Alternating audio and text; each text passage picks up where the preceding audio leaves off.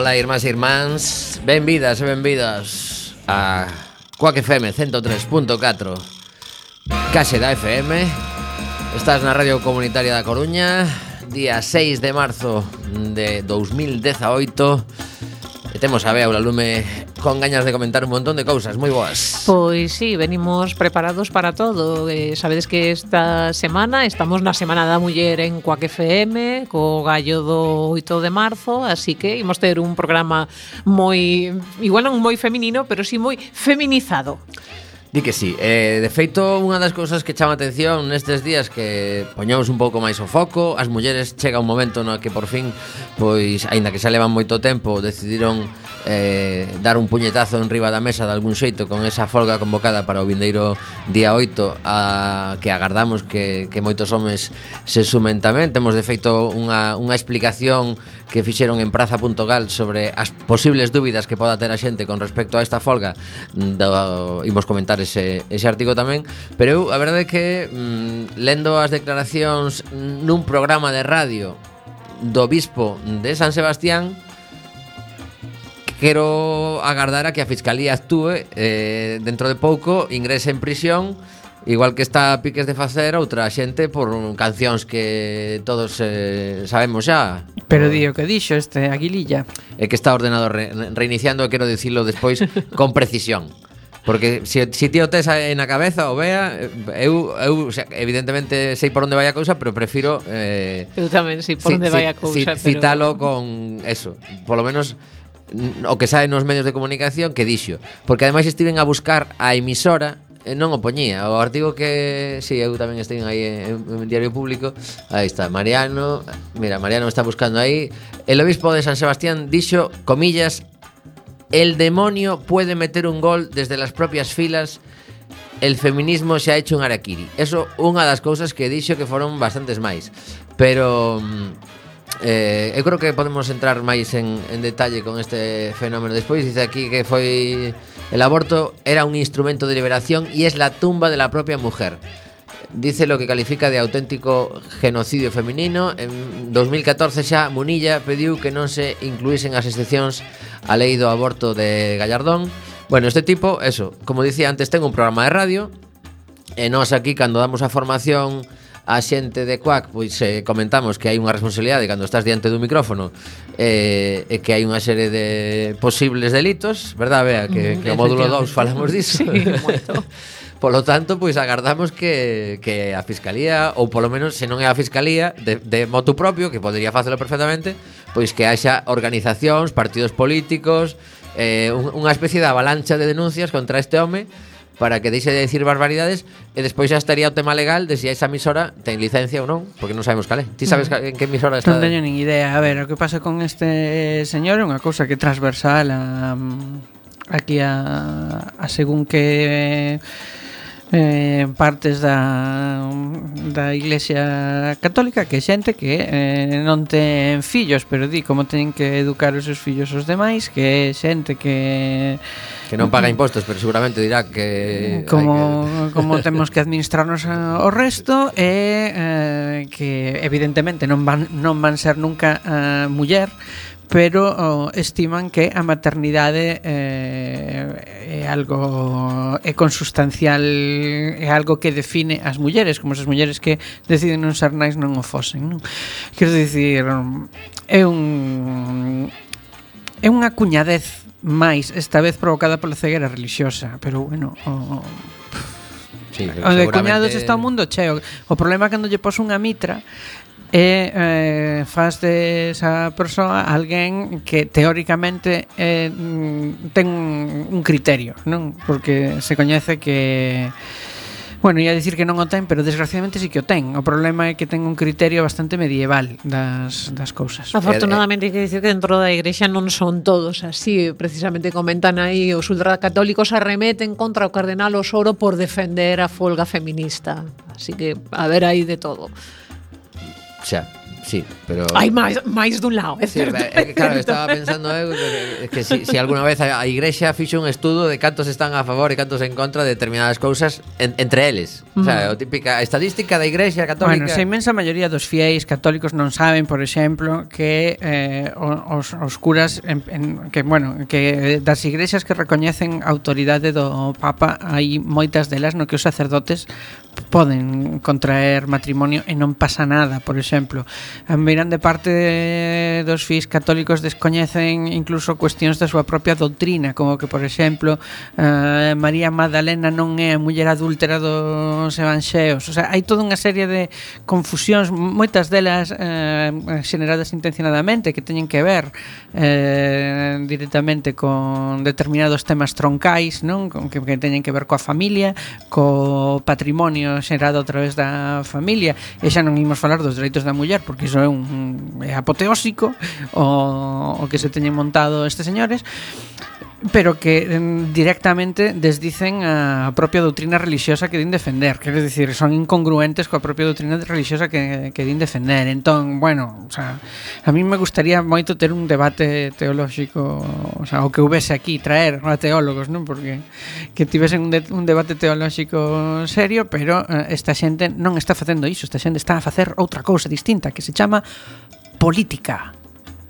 E aí eh, é cando non vale de nada levar un sombreiro en pico ou levar un crucifixo colgado do pescozo porque no momento no que empezas a facer política xa non és un líder relixioso, sí, non és un sacerdote. Eles dirán, eles dirán que está falando de temas relixiosos. Sí, bueno, pero de, eles... Da, digamos, unha... Eh, Explicación actualizada da doutrina católica que comezaron alá polos sí, sábados bueno, do claro, século. xa, xa, xa. É lo que digo que é a súa teoría, supoño que será a súa teoría. Bueno, será a súa excusa, pero hai un hai hai, o sea, ti podes decir o que queras, eu podo dicir agora que estou nadando, pero estou falando no, por a radio, non? Entón é o que hai. Está nadando tamén, pase que. Sí, claro. Aquí na piscina de claro, Cuac, na piscina, home, na todo. piscina olímpica climatizada claro, que temos, temos aquí no control. E por riba van os pactos así. Bueno, pois nada, que Convidamos a todas as persoas que nos estades a escoitar que si queredes hoxe participar no, no programa e comentar calquera cousa, iniciativas que estedes a, a celebrar estes días pois eh, debates, eh, o mellor mesas redondas que non teñamos novas eh, e querades eh, compartilas con nós, pois mira, temos o teléfono directo da emisora 881 01 2232 repito, 881 012232 e se prefires mandarnos eh, unha mensaxe a través do WhatsApp, apunta xa no teu móvil o de Quack FM, que é tan sinxelo como 644 73 73 03. Eh, feita esta introdución, imos escoitar unha canción que a min levanme gustando moitísimos anos, que tivemos ocasión de escoitar en directo o pasado verán, eh, hai que dicir que en parte grazas a Abel Caballero, mira ti que cousas pasan na vida, porque decidiu facer un concerto moi baratiño para promocionar que as CIES sexan Patrimonio da Humanidade con uh -huh. Pretenders e ali se trouxo a, a Pretenders con Chrissy Hine a cabeza e lembro perfectamente do, o silencio que se fixo no auditorio de Castrelos mentra, can, mentras cantaba con unha voz fantástica. Esta muller mm, mantén a voz case intacta dende que a coñecemos o himno para ela. Pretenders adicado a todas vos Era, era unha Pretenders rara. Agora sí. Let me inside you. Into your room. I've heard it's lined with the things you don't show. Lay me beside you down on the floor. I've been your lover from the womb to the tomb. I dress as your daughter when the moon becomes round. You be my mother when everything's gone.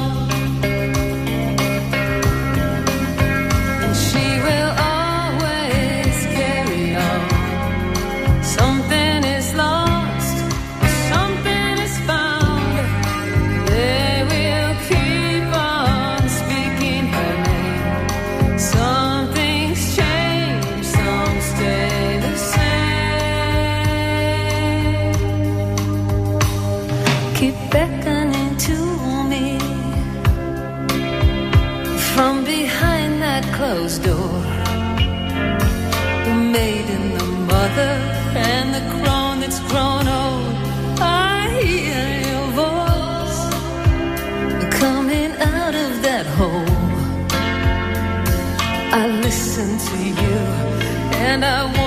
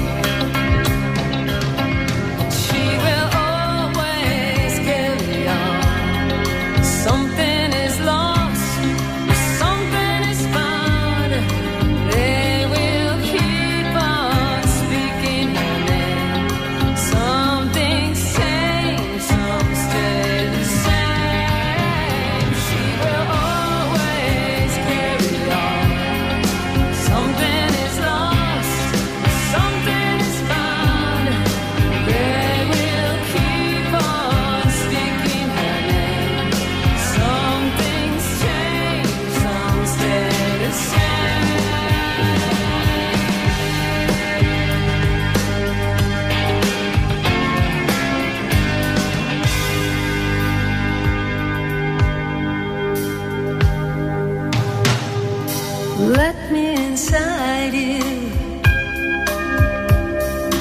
into your room.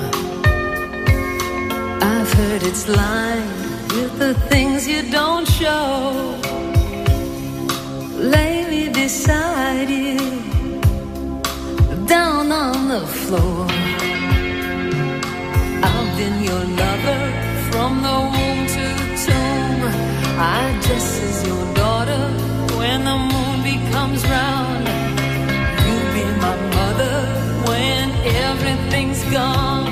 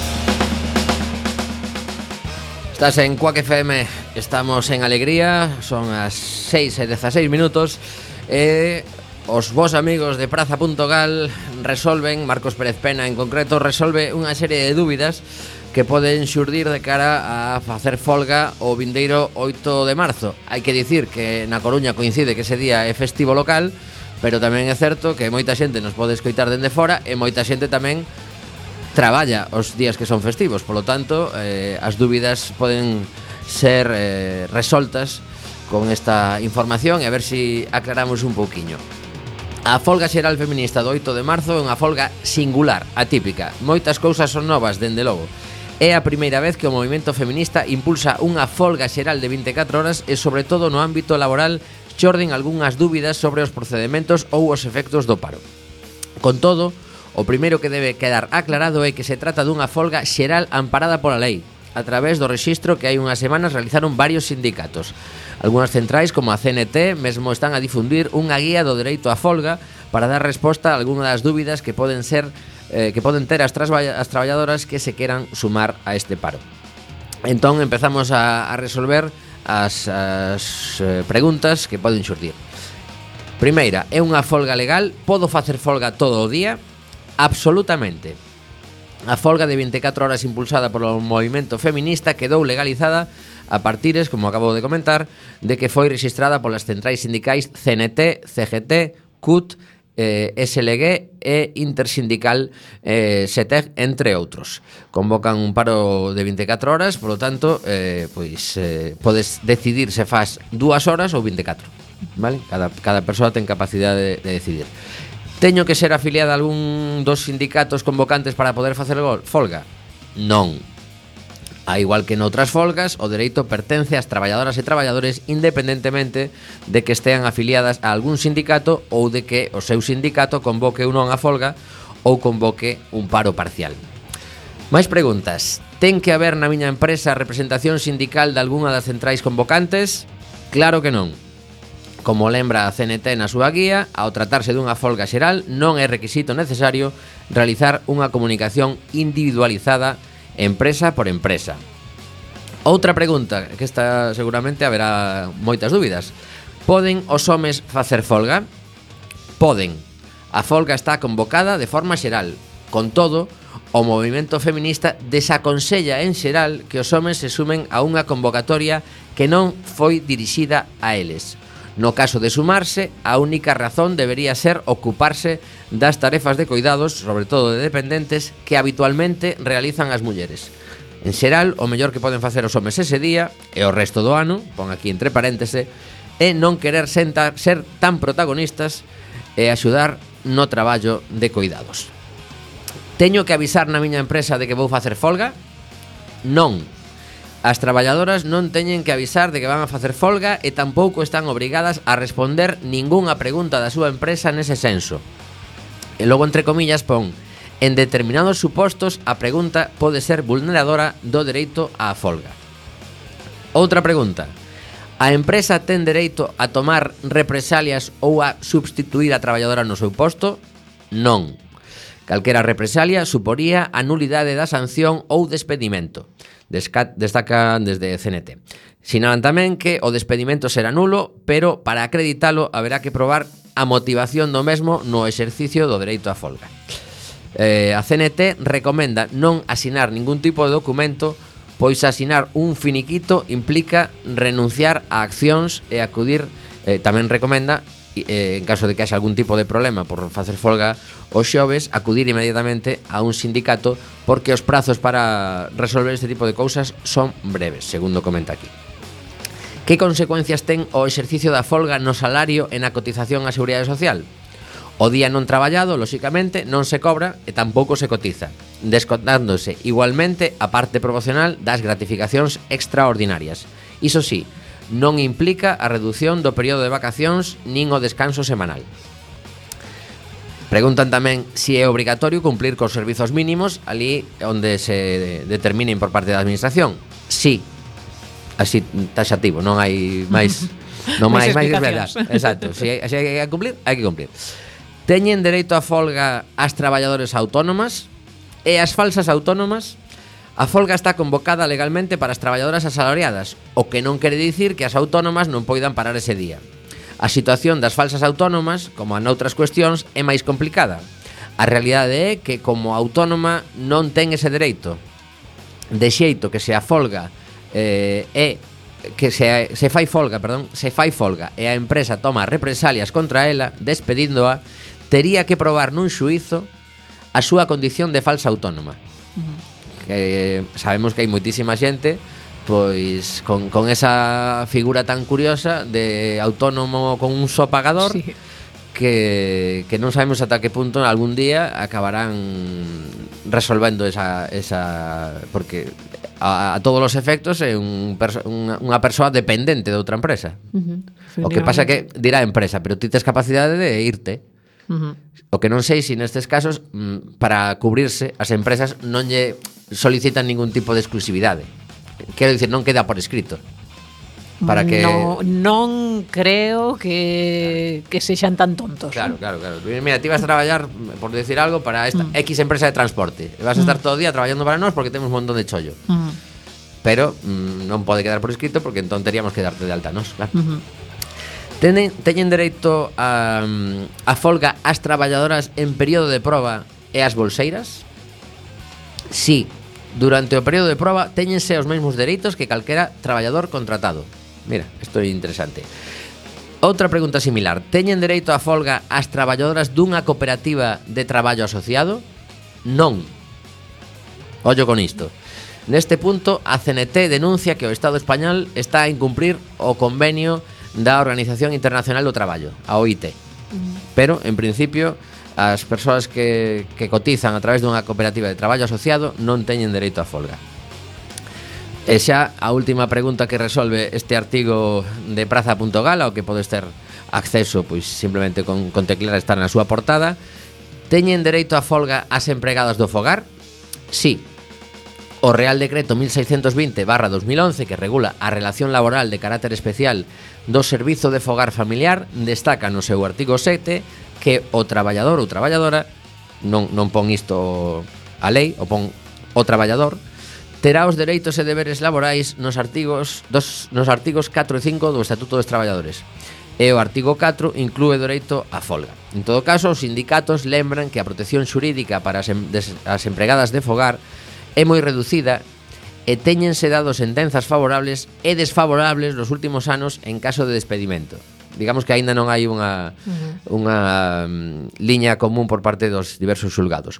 O movemento feminista animou a si sí mesmo as traballadoras do fogar que por un ou outro motivo non poidan facer folga a colgar os seus mandís das fiestras para amosar o seu apoio ao paro.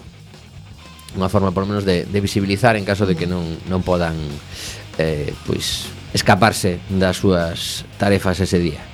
E ata aquí chega este artigo con información que, que consideramos que era interesante comentar.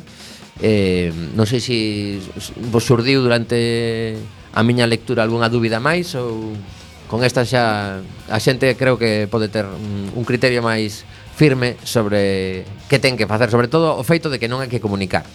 Eso me parece fundamental que ti non tes que outra cousa é que o mellor de cara a un tipo de traballo no que haxa que organizar turnos ou que teñas que garantir pois que a, o establecemento este aberto, pois home, de bo rollo comunicar que non vas a non vas a asistir sí, ao traballo. para que se organicen polo menos, sí. Claro. Ben, pois eh, se vos parece tamén Bea traía un montón de información que nos pode resultar útil para para o programa de hoxe que faremos en, en dous bloques porque temos unha entrevista dentro un ratiño eh, podemos podemos empezar a comentar cousas de como surdiu digamos ese, ese movimento de, de reivindicación. Imos falar do Día da Muller así en xeral sobre todo de eh, moitos mitos e realidades cos que me levo eu cruzando os últimos anos e que penso que é importante eh, combater. Eh, imos empezar mm, precisamente co orixe do Día da Muller, porque seguro que todos eh, sentistes falar algo dun incendio terrible que hubo en Nueva York e tal, e que é a, a idea máis básica que temos, eh, pero hai moito máis detrás da, da orixe do Día da Muller. De, o feito de escoller o 8 de marzo como Día da Muller non foi tanto porque existise un evento único específico que sucedera un 8 de marzo, marzo, senón que foi máis ver unha serie de feitos históricos ao redor desta data, eh, que por suposto tampouco foron os únicos feitos destacables na historia da loita feminista. Sí que hai algún feito que sucedeu o 8 de marzo de 8 de marzo de eh, neste caso de 1917 como consecuencia da escaseza de alimentos as mulleres obreiras de San Petersburgo fixeron unha manifestación pedindo pan e a volta dos seus homes da guerra este feito foi o detonante case nada do proceso revolucionario que culminaría en outubro dese ano. Posteriormente, en 1921, a Unión Soviética instaurou oficialmente o 8 de marzo como Día das Mulleres, conmemorando ademais o primeiro día da Revolución. Como dato curioso, contovos que ese momento era 8 de marzo, segundo o calendario gregoriano, pero nese momento na Unión Soviética utilizaban o calendario xuliano, entón para eles era 23 de febreiro. Mira ti. Pero bueno, dato curioso. Eh, o sea que alguén decidiu, bueno, vale, pero como o resto do mundo imos aproveitar ese efeito, pois pues, mm. collemos o, o Bueno, isto é Un dato, un vale, dato, de vale, momento vale, conto iso, eso vale. pasou un 8 de marzo. Temos outro dato mm, que sucedeu un 8 de marzo, veredes, en 1955 o xornal A Humanité de Francia conta con moitos detalles que o 8 de marzo de 1857 as obreiras textiles de Nova York do Sherwood Cotton organizaron unha manifestación pola maiora das súas condicións laborais tra lo que o empresario dono da fábrica encerrou e prendeu lume á fábrica despois de pechar todas as portas para que non puderan fuxir, eh, morreron 129 mulleres. Esta versión impúñose por máis de 20 anos, pero resulta que en 1977 as investigacións realizadas polas historiadoras Lilian Candel e François Pic non atoparon ningunha pegada deste feito nos xornais e documentos históricos da época. Entón, por qué? Por que apareceu isto? Pois estas mulleres concluíron que o mito foi creado para contrarrestar a orixe comunista do Día Internacional da Muller. Así que ese feito que é o que todos temos, e aparecen moitísimos sitios, quero decir, ti buscas en, en Google sobre isto e falanche ademais en moitísimos foros e páxinas feministas, avalanche deste incendio como o gran detonante e resulta que non existiu. Tamén hai outra Home, teoría. Isto para gravar unha, un documentaliño, polo increíble, menos, increíble. Unha peli. Ou... A verdade é que pasei un, pasei non moi ben facendo eh, este estudio porque aprendín moitas cousas. Hai outra teoría que circula por aí, di que o de bandito incendio eh, ocorreu o 8 de marzo de 1908 na fábrica textil Cotton, eh, que bueno, din que xa é unha teoría que se ven abaixo porque ese ano, ese día era domingo, entón facer reivindicacións un domingo que que non lle faz moito dano ao empresario como que non ten moito moito sentido, pero ademais é que din que eso que que non hai non hai un rastro histórico demostrable. Eh, o que si sí houbo Este sí que foi certo, foi un incendio o 25 de marzo de 1911 en, en New York, efectivamente, no Triangle Shirt Waste Company, onde morreron máis dun centenar de traballadoras, pero foi durante a súa xornada laboral, non tivo nada que ver con ninguna folga, nin nada. O que sí tivo que ver foi con as condicións lamentables de traballo, naquel momento ademais os edificios eran de madeira, eh, nos, nas fábricas textiles, pois a, as teas estaban amontonadas por todas partes en orden dende Concerco e calquera faisquiña pois podía facer como fixo neste caso unha, unha desgracia pero que foi iso foi casual non tivo nada que ver con, con algo que se quixera Eh, a relevancia que se lle outorga a, a este feito que é debida a que se fixo referencia a él en moitos dos encontros anuais posteriores, pero non foi a orixe do Día Internacional da Muller. Ben, entón chegamos ao eh, nacemento do Ah, bueno, espera, hai máis, hai máis. A mediados do século XX, a celebración comunista do Día das Mulleres volveuse moi tradicional e reaccionaria para a dirixente da C7 de Francia, Madeleine Colin. A celebración rusa hai que dicir que fora virando máis a unha celebración de temas nacionalistas e antifascistas fronte ás reivindicacións das mulleres. Así que esta muller, Colin, desexaba volver a ancorar o 8 de marzo na historia das loitas obreiras. E para ilo, en que feito se referenciou, na folga de Nueva York que rematou en incendio en 1857 e que nunca sucedeu. Pero esta historia estaba xa empezando o sea, a tomar forma e forza naquel momento. Historia, eh? Grandes mitos da historia. Eh, as feministas americanas que estaban nese momento en Francia levaron a historia os Estados Unidos, do, o lugar no que se supón que naceu o conto, pero en realidade o, o importaron de, de Francia. Eh, entón, agora sí, chegamos a 1975 cando oficialmente chega a ONU eh, coincidindo co ano internacional da muller dixo, pois imos poñer o 8 de marzo como Día da Muller. Eh, na páxina web do Día Internacional da Muller das Nacións Unidas enumeran non un feito, senón varios feitos históricos ao redor do 8 de marzo, polo que xustifican a elección desta data. A celebración en Estados Unidos do Día Nacional do Muller eh, os últimos domingos de febreiro entre 1909 e 1913, o Día da Muller aprobado en 1910 nunca na Conferencia Internacional en Copenhague e que se celebraría por por primeira vez o ano seguinte, o 19 de marzo, en Alemanha, Austria, Dinamarca e Suiza, eh, as mulleres rusas que celebraron o seu primeiro Día Internacional da Muller o último domingo de febreiro de 1913, e no resto de Europa as mulleres tamén celebraron mítins en torno ao 8 de marzo do ano seguinte, e tamén a folga de mulleres rusas do ano 8 de marzo, do 8 de marzo de 1917 que comentamos ao principio e que desembocou na revolución o sea, rusa. Podemos dicir que estamos case nun centenario do movimento mm, da, da explosión do movimento mm. feminista en moitos países, así entre o 13 e 17 por aí. Sí, sí, sí, bueno, eh, se fa, de feito se falamos do tema este do 8 de marzo de 1917, estamos de 101 aniversario, pero quero dicir que xa vedes que non é que haxa un só motivo, senón que houbo moitas cousas ao redor do 8 de marzo. Por suposto, se entras na páxina da ONU, non che din que unha das razóns é o incendio ese inventado, uh -huh pero polo que les de reseñas históricas e de como foi medrando o movimento ata desembocar eh, na decisión de ter un Día Internacional da Muller, seguramente nese momento, no 1975, que todavía non saíran os estudios que demostraban que ese feito fora mentira, pois seguramente nese momento pesou tamén. Así que xa vedes que orixe máis interesante.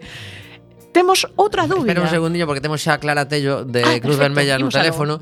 Eh, Mariano está compartindo tamén o, o que liaron as sufragistas eh, en, en Inglaterra. Bueno, temos eh, temos moito que falar, poderíamos facer varios programas evidentemente, pero pero temos 57 minutos a semana e ímolos aproveitar falando agora con Clara Tello que é a, a responsable provincial da Cruz Vermella de Menores, Muller e Igualdade. Hola Clara, boa tarde. Hola, moi buenas tardes.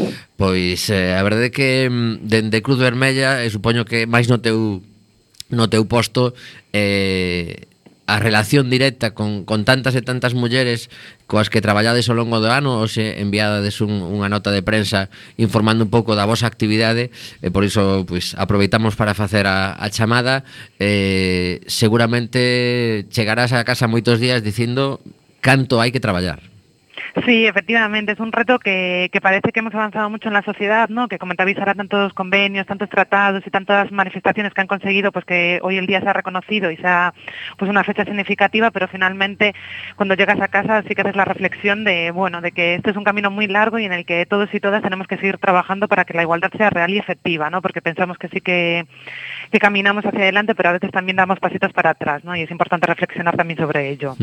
Dos datos que, que enviades no no documento que, que recibimos eh, pois falase evidentemente da, da brecha salarial do, do problema que, que supón o feito de que haxa moitísimas mulleres que teñen un traballo a tempo parcial e que iso finalmente repercute tamén a hora de, de ter unha, unha pensión máis baixa que a dos homes eh, e, e semella polo que comentades que a evolución pois ou vai moi lenta ou incluso non, non, non estamos eh, reducindo estas cifras.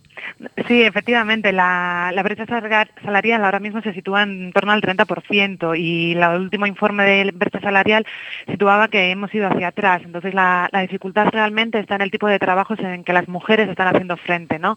Pues nos dedicamos principalmente a ciertos servicios, eh, temas de cuidado, donde los, eh, los salarios son más bajos respecto a temas de tecnología, de informática, donde las profesionales perdona, donde las profesiones están más reconocidas y mejor remuneradas, ¿no? Y también pues que al final la mujer sigue estando en el cuidado en casa, en las tareas domésticas, eh, al cargo de los hijos menores, de las personas dependientes, y esto muchas veces nos obliga a que tengamos que tener medias jornadas. Las medias jornadas eh, están peor pagadas, ¿no? Se, bueno, la remuneración es inferior y esto es una brecha y esto es una dificultad que lejos de solucionarse, pues cada vez está eh, más encima de la mesa y es crítica, ¿no? No, no avanzamos en ese sentido.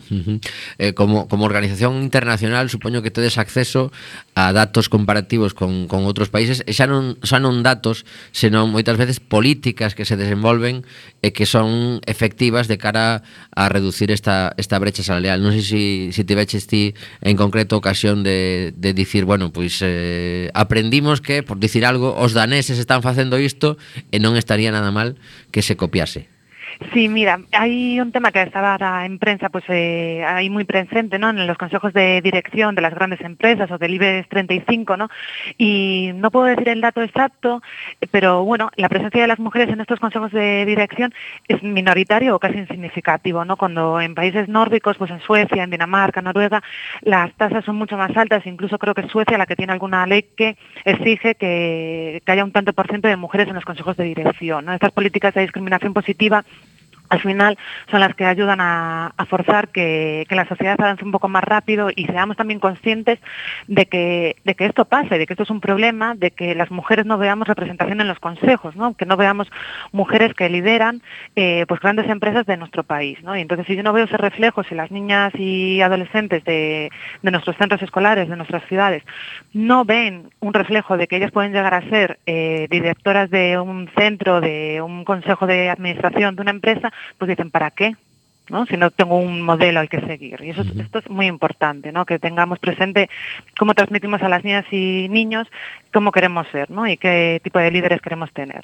podemos falar dun, dun modelo de mm, ou, ou unha, unha moller tipo que se achega a Cruz Vermella xa ao mellor en, en situación de, de desesperación porque supoño que moitas veces eh, hai certa reticencia a solicitar axuda non? é como, é como recoñecer de algún xeito eh, un, un fracaso vital Sí, mira, el, cerca del 60% de las mujeres que acuden a Cruz Roja están en una situación de paro y solamente cerca del 9%, o sea, muy poquitas, están recibiendo algún tipo de prestación. Eh, es Caramba, cierto- eh, ese, ese dato é tremendo eh? Sí, es muy duro, es muy, es, es muy significativo, ¿no? Y al final son mujeres que muchas veces están sacando adelante a sus familias, que, que tienen hijos e hijas a, a su cargo, y ellas, más que un fracaso, es, es una cuestión de supervivencia, ¿no? De tirar para adelante adelante y de buscar los recursos y las ayudas donde, donde sean. ¿no? Entonces, no hay un... Nosotros lo que vemos en las mujeres es que no se rinden nunca y tiran para adelante y buscan donde, pues bueno, donde haga falta para, para avanzar. Porque normalmente a, a xente que chega a vos eh, xa pasou o mellor por, por institucións como os Servizos Sociais do Concello ou da Xunta de Galicia e sodes como unha pata máis de, da, da axuda. Sí, efectivamente. Nosotras trabajamos en red con los servicios comunitarios, con las ayudas y prestaciones que se reciben desde la Junta de Galicia o mismo pues cuando se busca empleo, pues también con las oficinas de, de empleo, ¿no? Para que todo sea un trabajo coordinado y la ayuda que se presta a estas mujeres sea más eficaz. Y también trabajamos en red con otras organizaciones de la ciudad que también están dando prestaciones o orientaciones a, las mujeres. -huh. Outra das, das cousas que comentades no, no informe é o traballo que se fai eh, de cara aos cuidados familiares que case sempre son as, as mulleres as que asumen cando hai persoas dependentes na, na familia, non? Sí, eh, se hace pues cerca entre dos y diez veces más que, que los hombres. Esto pues está asociado también a pues a un rol muy tradicional vinculado a la mujer, ¿no? De- del cuidado, ¿no? De que es ella la que tiene que cuidar. Entonces sí que se trabaja y sí que se pone mucho hincapié en que también los hombres eh, tienen que hacerse responsables de estas tareas, ¿no? De la corresponsabilidad. Y, y sí que trabajamos desde otros programas eh, con jóvenes para que esta mentalidad cambie, ¿no? De que el cuidado no solamente es de la mujer, sino que es, tiene que ser una tarea compartida en el hogar. Uh -huh. Pero ese, eses, eh, imos chamar obradoiros ou, ou charlas que facedes co, cos xómenes, ides directamente aos centros escolares, porque mm, podemos pensar que o mellor, cando convocas eh, algo disto, de mm, imos vos contar o importante que que vos que vos eh, corresponsabilicedes do que hai que facer pois eh, na casa ou axudando a terceiras persoas eh, se a asistencia é gratuita o mellor pois por, por esa mentalidade que aínda eu creo que arrastramos moito de pois ese, ese machismo que hai na sociedade pois como que, que non, non sei ata que punto asistirían. No, efectivamente, nosotros lo que hacemos y trabajamos muy coordinadamente con muchísimos centros educativos de la ciudad eh, son eh, en las tutorías de los centros escolares, trabajamos estas temáticas. Entonces son los centros a través de las orientadoras, normalmente mujeres, eh, las que escogen las temáticas en base a las necesidades que tienen sus grupos en ese momento. Entonces, o sea, que unha, unha, acabas de facer eh, perdón, a, a cita esta de que cando, cando chegades a falar cun, cun centro que hai unha persoa que é a, a responsable de orientación, eh, casi sempre vos topades con mulleres. É un, sí. é un cargo que, que asumen elas, que é curioso tamén, ¿no? porque realmente sí. xa, xa é unha, un tema de oposición.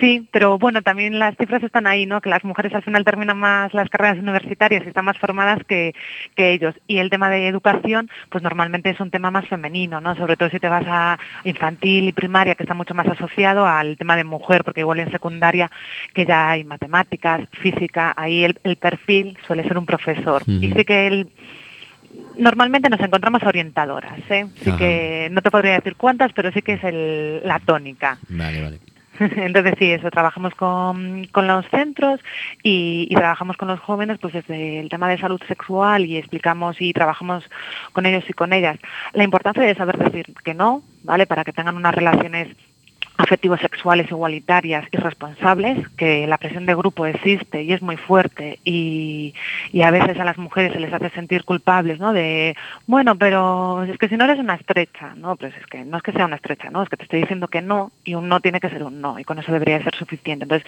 eso es uno de los temas muy importantes y fuertes que trabajamos en las, en las sesiones. Y luego, pues también todo el tema de, cómo se construye la violencia de género, porque, pues bueno, los estudios están ahí y hay un repunte, hay un repunte de la violencia de género entre los jóvenes y, y ellos no son conscientes de que el control del móvil o decirle a mi chica cómo va vestida, eso es violencia de género y, y no lo asumen, ¿eh?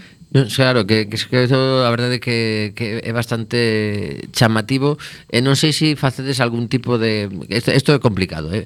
pero pero a, a vinculación que pode haber entre determinados eh, programas de televisión que, que marcan un, un estereotipo que se ve, porque claro, todos sabemos o impacto que ten un programa de televisión con unha audiencia masiva. Hmm. Eh, ata que punto pode afectar pois as persoas que se que, que están eh, dando por feito que o que están vendo na tele é algo normal e que despois o asumen para a súa vida. Sí, esto se trabaja y esto es lo que te comentaba también antes de, de las referencias que tienen las niñas y, y niños hoy en día, ¿no? Si yo solamente veo eh, pues determinados programas de televisión que me están diciendo cómo me tengo que comportar y esto lo asumo como normal y no tengo ningún otro modelo eh, contrapuesto que me enseñe otros tipos de relaciones, otro tipo de posicionamiento, pues al final me voy a decantar pues el de la encima de la serie de televisión, que me encanta porque es para adolescentes, la comento al día siguiente en el recreo con mis amigos y con mis amigas. Y esto pasa igual con las con las canciones, ¿no? Así que trabajamos también el tema de, vale, estoy escuchando esta canción, me gusta mucho, es muy melódica, tiene mucho ritmo, es estupenda para bailar, pero ¿qué me está diciendo?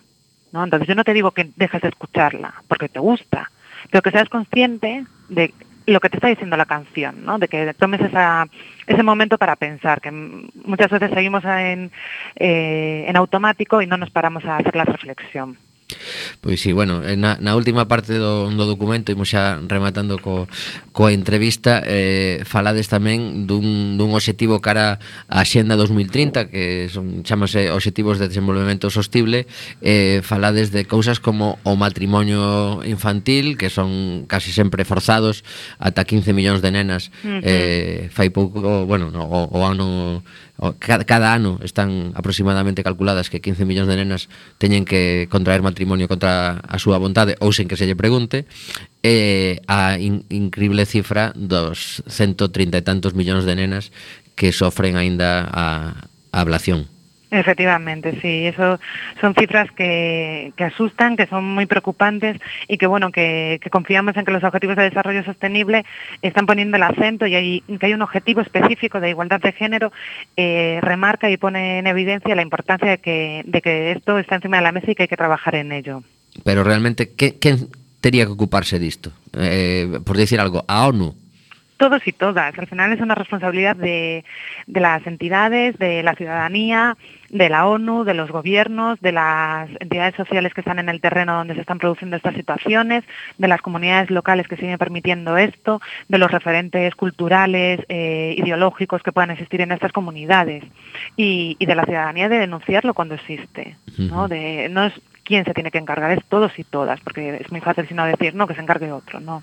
Xa, o que pasa que eh, digo porque sí. a nos a nos nos pode quedar un pouco lonxe, ou por lo menos eh salvo que teñamos algún algún claro. caso concreto que que coñecemos no noso país en principio non é unha práctica habitual eh que saibamos, aínda claro. que seguramente persoas eh, migrantes que que sí que que se vexan obrigados eh porque mm. porque teñen eh, os costumes que traen dos seus países, non? Claro, pero sí que por exemplo, sí que si estás eh, sensibilizada con con este tema, puedes informarte de qué ONGs eh, trabajan estos temas específicos y darles ese apoyo ¿no? económico o a lo mejor de, de, voluntariado que también existe en determinadas entidades sociales.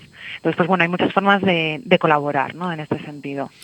Pois sí, pois, pois convidamos a xente que, que este moi pendente. Supoño que tamén estes, estes días Pois, por exemplo, a xente de, de ACNUR Ten moitísimo traballo porque o, o que está sucedendo en países como Siria Multiplícase día a día ata o infinito E, e traballo vai, vai haber sempre para as organizacións sociais como Cruz Vermella. Así que, Clara Tello, moitísimas grazas por, por atender a chamada de Coac FM E, e agardamos falar de cando en vez E que as cifras vayan mellorando. Perfecto, sí, esperemos. Eh, a ver el año que viene, volveremos a comentarlo. Veña, unha aperta, graciñas. Hasta luego. Ben, pois sabedes que a, a cousa non é para para estar eh, tranquilos ni moito menos. Así que vea si, si temos máis cousas eh, do que nos estabas a comentar temos, tan, tan temos, chulo. temos bueno, Mar Mariano ten aí na, na nosa pantalla. Estamos a ver cando foron eh, conseguido o dereito a sufraxio en moitísimos países verdade? Eh, hai, hai unha especie de, de época bastante intensa entre o 17 e o 22 podemos decir. Bueno, a, a, estamos rebobinando agora pero a ver, dende dende o 1838, que foi cando empezou o baile. Ajá. Por eso, o sea, quero dicir, a primeira as, as dúas primeiras décadas do século XX foron importantes, pero o tema xa viña de bastante antes. Vale, vale, pero unha, unha illa pequeniña, o 1838 pon aí As illas Pitcairn, pues sí, pero tamén en 1893 Nova Zelanda, en 1902 Australia, en 1906 Finlandia. Vale. Así, digamos que empeza a chegar a Europa a en, en non lle de... resultou doadas, eh? doado a ningunhas, a ningunha desas mulleres conseguir había, iso. Había eh, resistencia, eh? Sempre ¿no? resistencia. Vale, vale. Ben, pois, pois retomamos o que tiña Bea que contarnos. Pois continuando cos mitos e realidades do Día da Muller, unha cuestión que nos preguntamos moitos, como se chama? Día da Muller Traballadora ou Día da Muller? Día da Muller Ben, pois ao longo dos, mm, dos tempos en diferentes países eh, este día tivo diferentes nomes. Na Unión Soviética, por exemplo, foi denominado Día das Mulleres, Día das Mulleres polos Dereitos das Mulleres, Día das Nais pola Paz, Día Internacional da Loita pola Paz e da Felicidade dos nosos fillos, xa ves, tío, de todo. Eh, eh, foi denominado tamén Día da Muller Traballadora en diferentes países, moitos deles latinoamericanos. Fago fincape nisto porque eh, mm, queiras que non pola proximidade entre España e Latinoamérica, logo sempre máis doado liarse se ali xa teñen un, un costume de falar do Día da Muller Traballadora. Pero o que oficialmente a nivel das Nacións Unidas Unidas, o Día Internacional mm, da Muller, chamase Día Internacional da Muller, dende 1975, sen traballadora, ni sen apelido, digamos. Uh -huh. Así que, Día da Muller. Vale. Hai unha corrente que reivindica o nome Día das Mulleres porque aseguran que, aínda que originalmente nace como Día da Muller, co paso dos anos recoñécese o dereito a ser nomeadas coas nosas similitudes e diferencias nun termo xeral que inclúa a todas as mulleres, non só no termo muller como único molde no que todas deberíamos caber. Non me vou a meter a opinar isto, oficialmente, insisto, é Día da Muller, pero xa que eu atopei, pensei que era un dato interesante a ter en conta.